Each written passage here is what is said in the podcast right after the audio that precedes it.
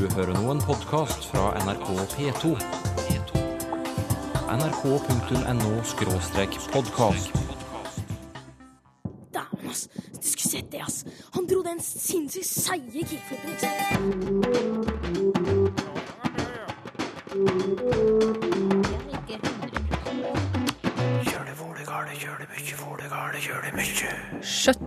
kylling er barnslig tale, mener noen.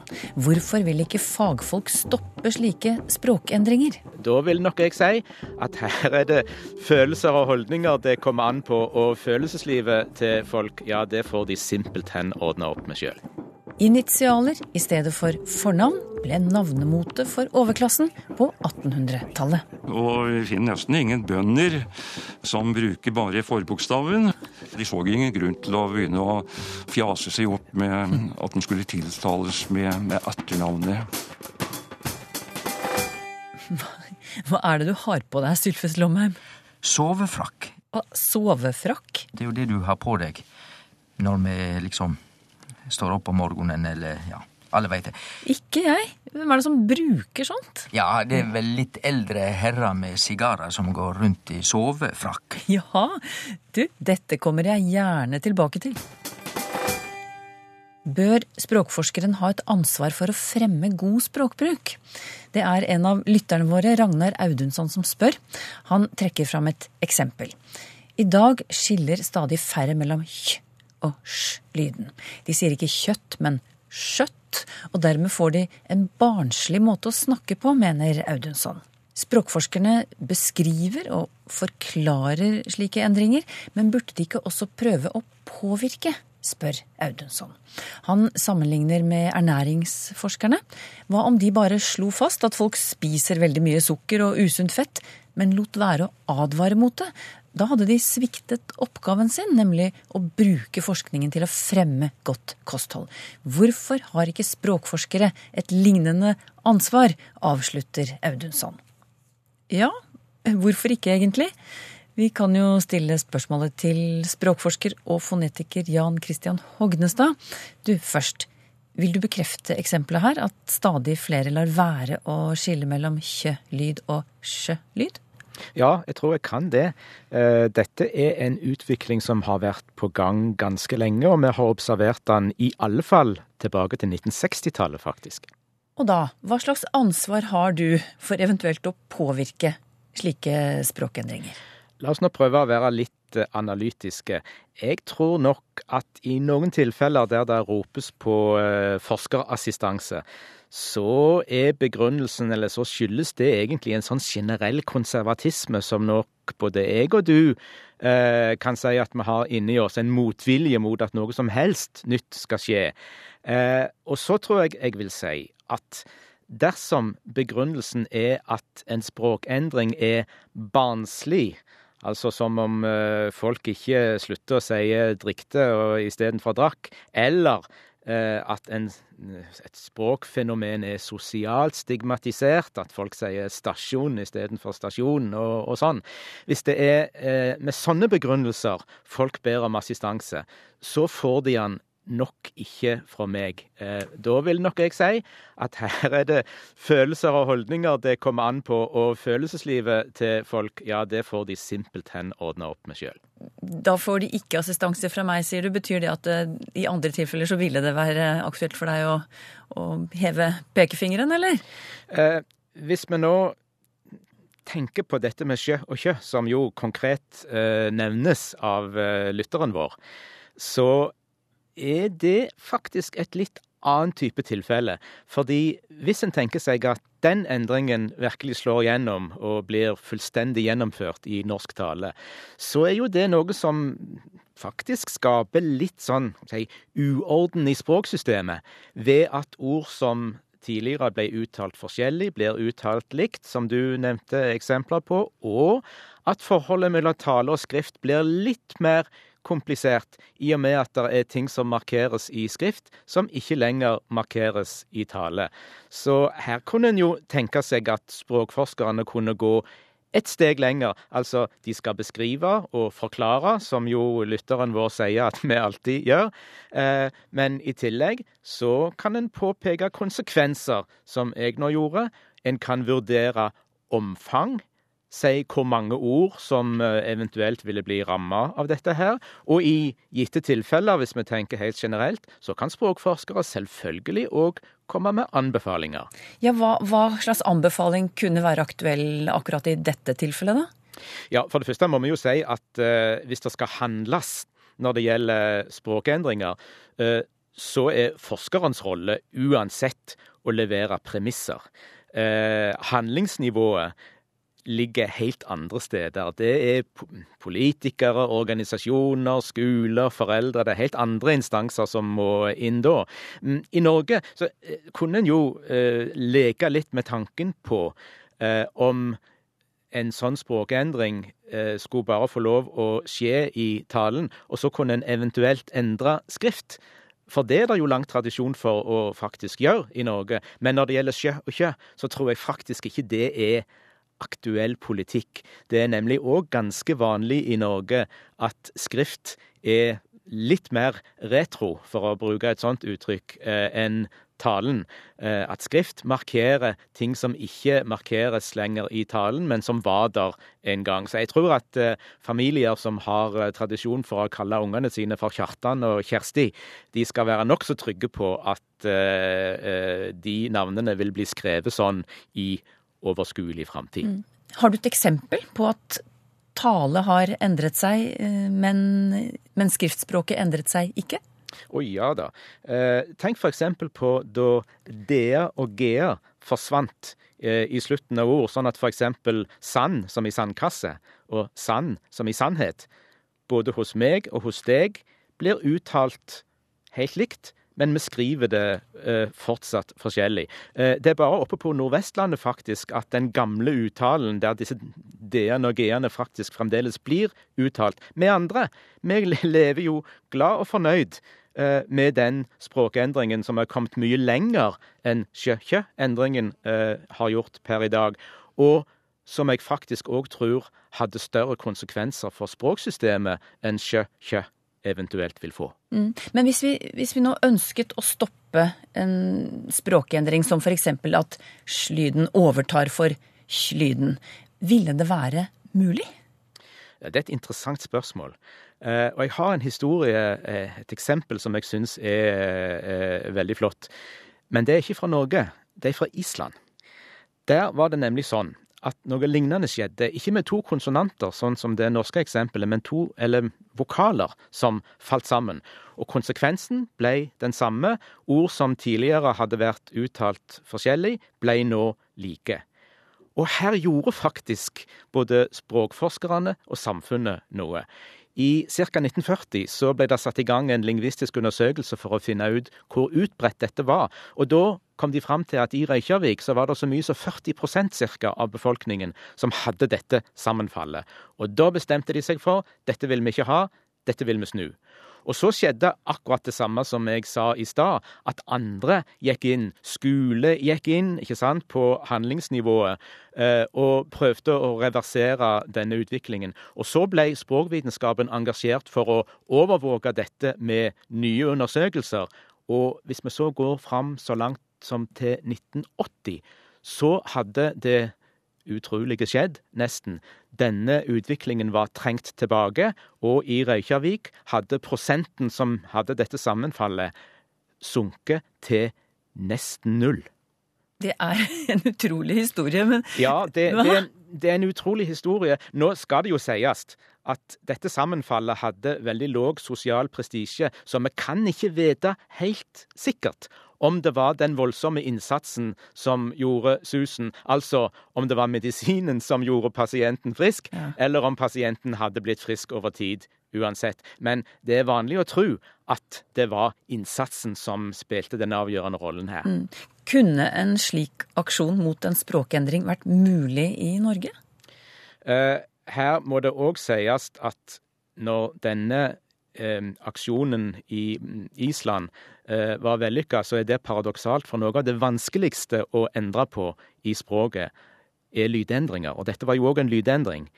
Eh, generelt så tror jeg svaret på ditt spørsmål er nei. Hvorfor? Fordi, av flere grunner, men viktig, Island i 1950, for å si det, og Norge i 2013, det er to helt forskjellige eh, arenaer for å eventuelt gjøre noe sånn.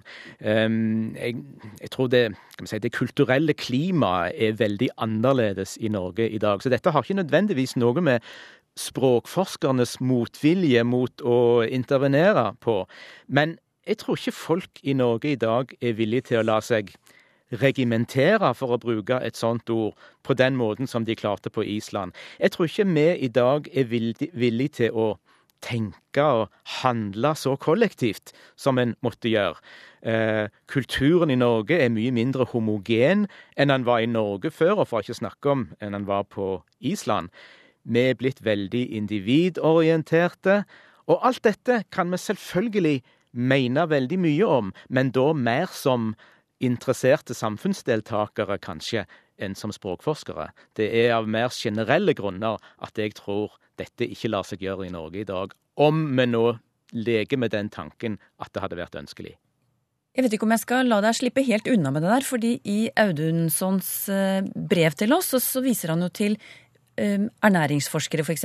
og kampen mot sukker og usunt fett, som jo til en viss grad virker, har man inntrykk av. Uh, hvorfor skulle ikke en uh, parallell aksjon mot et eller annet språktrekk uh, Hvorfor skulle ikke det virke? Det som har med helse og kropp og utseende å gjøre. Det er jo nettopp et prosjekt, for å kalle det det, som folk i det postmoderne Norge har. Dette er folk opptatt av. Her kan, forsk her kan forskerne spille på lag med tidsånda, så å si. Derfor kan det gå på det området. Men som sagt, jeg tror ikke det er mulig å få det til i språket. Det mente fonetiker Jan Christian Hognestad ved Universitetet i Agder. Hvorfor bruker noen initialer i stedet for fullt navn? At de f.eks. skriver T.O. Hansen i stedet for Tor Olav Hansen? Det kan være av praktiske grunner, men kan det ha noe med status å gjøre også? Det hadde det iallfall før i tiden. Navnegransker Gulbrand Alhaug, du har undersøkt bruken av initialer eller forbokstaver i Norge på 1800-tallet. Og du mener at den gangen signaliserte det bl.a. sosial rang. Hvordan kunne det å bruke forbokstaver i stedet for fullt navn uttrykke høy status? Ja, det var en måte å skille seg ut på. Ehm, det er jo også andre måter som overklassa kunne skille seg ut på. og eh, Det er f.eks. overklassa som først begynte med hatter. og og når det gjelder navn videre, så var det f.eks. overklassa som tok over ja, eh, bruken av pryd-bokstaver fra utlandet. Altså Carl, som opprinnelig er et navn vi har i gammelnorsk, det ville overklassa skrive med C og ikke med K, og dermed skille seg ut fra lågere sosiale lag. Så overklassen sier du for å skille seg ut. Men, men hvem var de? Hvem i, i, overklassen var det som brukte initialer? Ja, vi har kjente eksempler som eh, historikeren P.A. Munch. Og andre som er tilhører overklasse, kunne nevne noen kunstnere, altså f.eks. I.C. Dahl. Han het egentlig Johan Christian, men vi kjenner ham som I.C. Dahl. Mm. Men du har jo også knyttet dette til yrker, og hva har du funnet der? Ja, det er særlig i forretningsstanden og blant håndverkere. Der er det mye brukt i initialer, og der det, kan bruken av, av forbokstaven innebære at, at, det var praktisk å ha det på skiltet utenfor butikken, at det sto M. Sten i stedet for det lengre Martinius Sten. Ja. Du, eh, du, nevnte at det kunne være praktisk å, å forkorte navnet sitt på av, fordi, fordi det skulle få plass på et skilt, men uh, var det andre grunner også? Jo da, det var andre grunner. og Fra Danmark så vet vi at um, der begynte det å bli vanlig å tiltale prester med etternavnet på 1700-tallet. Og Det kan vi gjerne se i sammenheng med bruken av forbokstav. For når presten bare skrev P i stedet for Peter f.eks., og Dahl som etternavn, så, så, var det kanskje naturlig å, å tiltale presten som, som Dahl. Ja, Hvordan ble presten tiltalt uh, før dette, da? Ja, Før det så var det mer vanlig med, med fornavn. Det ser vi når vi går lenger bakover i, i historia. Så om vi helt tilbake til sagatida, så er det jo bare fornavnet som blir brukt. Men så kommer det noe nytt inn på 1700-tallet, og da, da begynner også prester å bli tiltalt med etternavn i Danmark. Og vi kan gå ut fra at det samme har òg skjedd i Norge. Og bruken av initial vil da signalisere at presten ville bli tiltalt med etternavnet.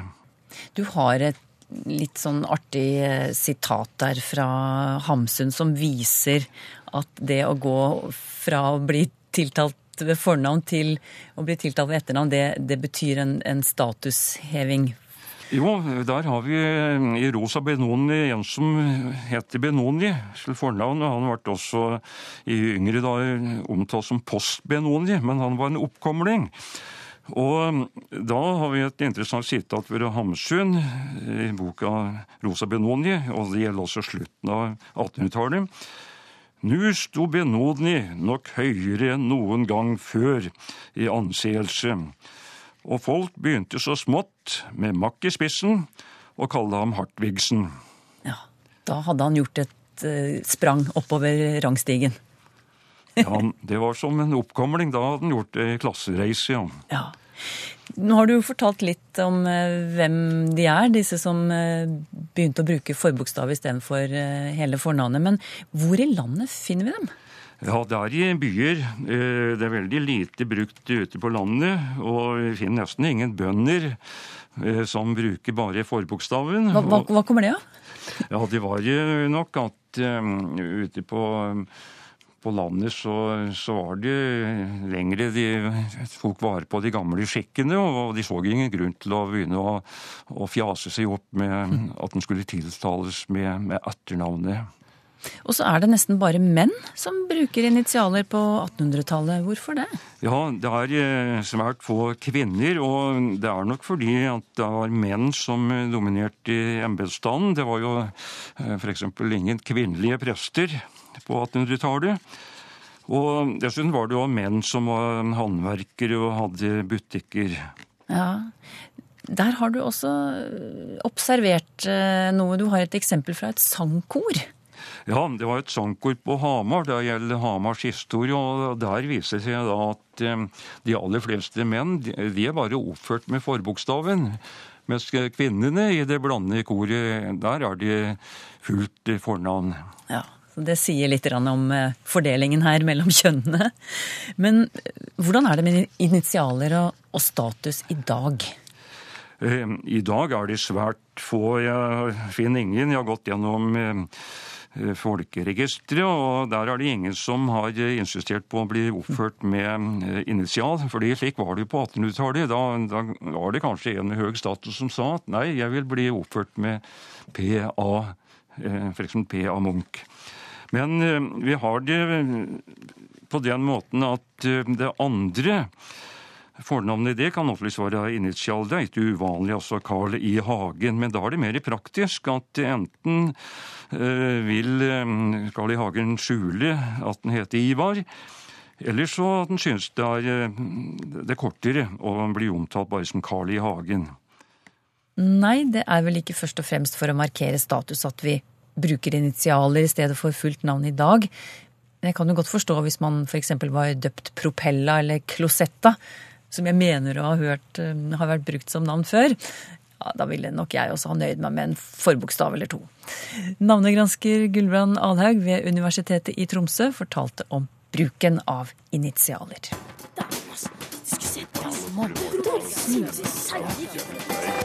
Mye kan skje i løpet av en togtur, Sylfes Lomheim. F.eks. at man får et lytterspørsmål. Eh, hva var det som hendte? Ja, det var veldig enkelt. Det var Sørlandsbana, og der er jeg ofte som passasjer.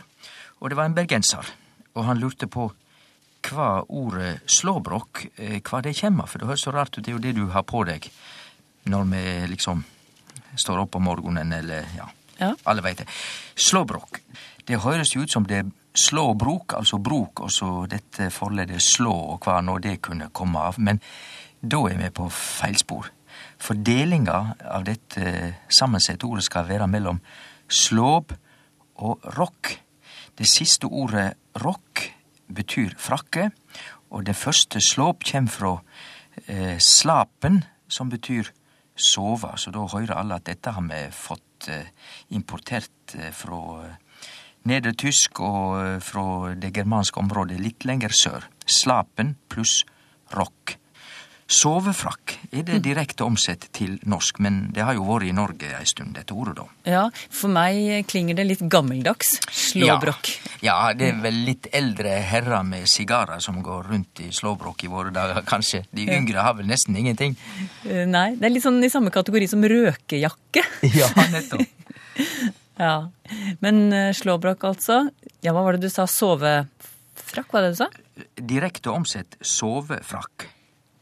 Kan dere utrede ordet uvegerlig, spør Jan Andersen. Og han spør fordi at han har hørt en eh, reporter si uvergelig. Og det er feil. Det heiter uvegerlig. Hvordan er det ordet bygd opp? Vi har det fra tysk unweigerlich. Og un det er det samme som u på norsk, altså det betyr ikke. Og weigerlich har med òg det kjente norske verbet vegra, vegra seg å gjøre. Slik at weigerlich eh, har med å nøle eller å halde igjen. Altså hvis du vegrer deg, så nøler du, du holder igjen.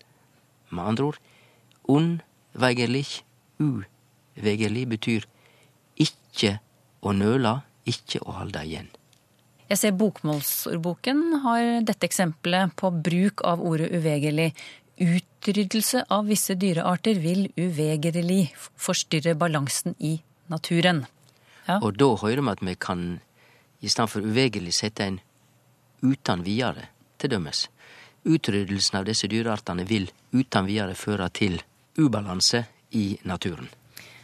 Andreas Trøen eh, er kjent med to ulike betydninger av ordet slavisk, skriver han. Og her er et par eksempler som han gir. Tsjekkisk er et slavisk språk. Vi er ikke nødt til å følge denne oppskriften slavisk. Er det noen sammenheng her, spør han. Svaret er at det er absolutt sammenheng. Dette er egentlig samme ord. Og når vi skal følge ei oppskrift slavisk, så har vi òg substantivet ein slave. Det er en som står på og jobber. Egentlig en ufri mann. Men alt dette kjem ifrå ordet som de brukte, og som vi stadig bruker om språka i Øst-Europa. Vi har, vi har germanske språk, vi har romanske språk, vi har skandinavisk, og vi har slavisk språk. Og det var så mange krigsfanger som var fra det slaviske språkområdet, som ble selde som krigsfanger, altså ufrie menn, at det etter hvert i mange europeiske språk rett og slett vart ordet for ein ufri mann, med andre ord ein slave. Og dette passer jo òg fordi at i det gamle norrøne språket vårt, så var det da logisk nok ikke ordet slave. De, de hadde ordet træl som ord for ein ufri mann, altså en så vidt selv som krigsfange av og til. Hans Koren vil gjerne vite hvordan man kan bruke uttrykket vis-à-vis. Han har eh, samlet noen eksempler her fra sportens eh, verden. Han har lyttet til eh, reportere som har kommentert skirenn. F.eks.: Hva blir poengsummen hans vis-à-vis Amman? Forholdene favoriserer Therese vis-à-vis Marit. Det kom i rett tid vis-à-vis VM. Jeg spiller ballen over til deg, Sylfest. Ja, jeg har lagt merke til denne bruken jeg også, for jeg er sportsinteressert. Ja. Og dette er ikke riktig norsk. Altså, det er en overbruk av vis-à-vis, for vis-à-vis betyr rett overfor. Men eh, hvordan ligger han an vis-à-vis Jacobsen? Det betyr jo i forhold til Jacobsen. Og i forhold til er noe annet enn rett overfor. Og eh, Johan Olssons løp i Davos, eh, det kom i rett tid vis-à-vis VM. Det blir jo enda mer galt, fordi at eh, der betyr det jo ikke noe annet enn med tanke på eller like før. Det har ingenting med vis-à-vis å gjøre. Så her må de bremse på bruken av vis-à-vis. Men kan du gi et eksempel på en riktig måte å bruke vis-à-vis på, da? Du enn vi sitter i studio vis-à-vis hverandre. Rett overfor hverandre. Et sitat nå fra Arild Jørgen Våg. I nær framtid skal de to spørsmålene vektes mot hverandre. Og så fortsetter han. Før i tiden ville de veies mot hverandre, ikke vektes. Hva er det som skjer her? Ja, eh, det vi kan konkludere straks, er jo at å veie eller å vega på nynorsk, det er det eldre ordet av disse. Og å vekta, det står i ordbøkene nå, men det er ei nyere ordlaging. Og verbet å vekta kjem fra substantivet vekt. Og det substantivet er historisk sett laga av å vega eller å veie. Så da har vi utviklinga. Når det gjelder bruken, så vil eh, vega eller veie i våre dager eh, bli brukt mer eh, allment, medan å vekta i, som dette nye verbet jo heiter, det vil nok mer bli brukt rent teknisk, og ofte det å berekne eller å balansere. Altså det har en teknisk og mer eh, matematisk eh, Altså bereknende et rekneskap, eller det å balansere tallreker mot hverandre. Da vekter du. Og også bli, det blir brukt i universitetssammenheng å få vekttall for studium. Men eh, så kan jeg jo spørre hva kjem eh, vega, eller å veie av, det eldre ordet? Jo, det er det samme som vi òg har i tysk bevegen, og som har gitt oss på norsk ordet vogn. Slik at å vega eller å veie og ordet vogn er historisk sett ifrå det samme, nemlig ei gammal tying som betyr enten å løfte eller å bevege. Har du spørsmål til Språkteigen? Skriv til Teigen, krøllalfa nrk.no, eller til Språkteigen, NRK P2, 7005, Trondheim. Så finner du oss også på Twitter og på Facebook. Noen elver, fjell og steder i Norge har to eller tre navn. Norsk, samisk og kanskje finsk også. Selv om navnene er ulike, kan de godt bety det samme. Men det vanligste er at navnene også har ulikt innhold. Hør mer i Språkteigen om en uke.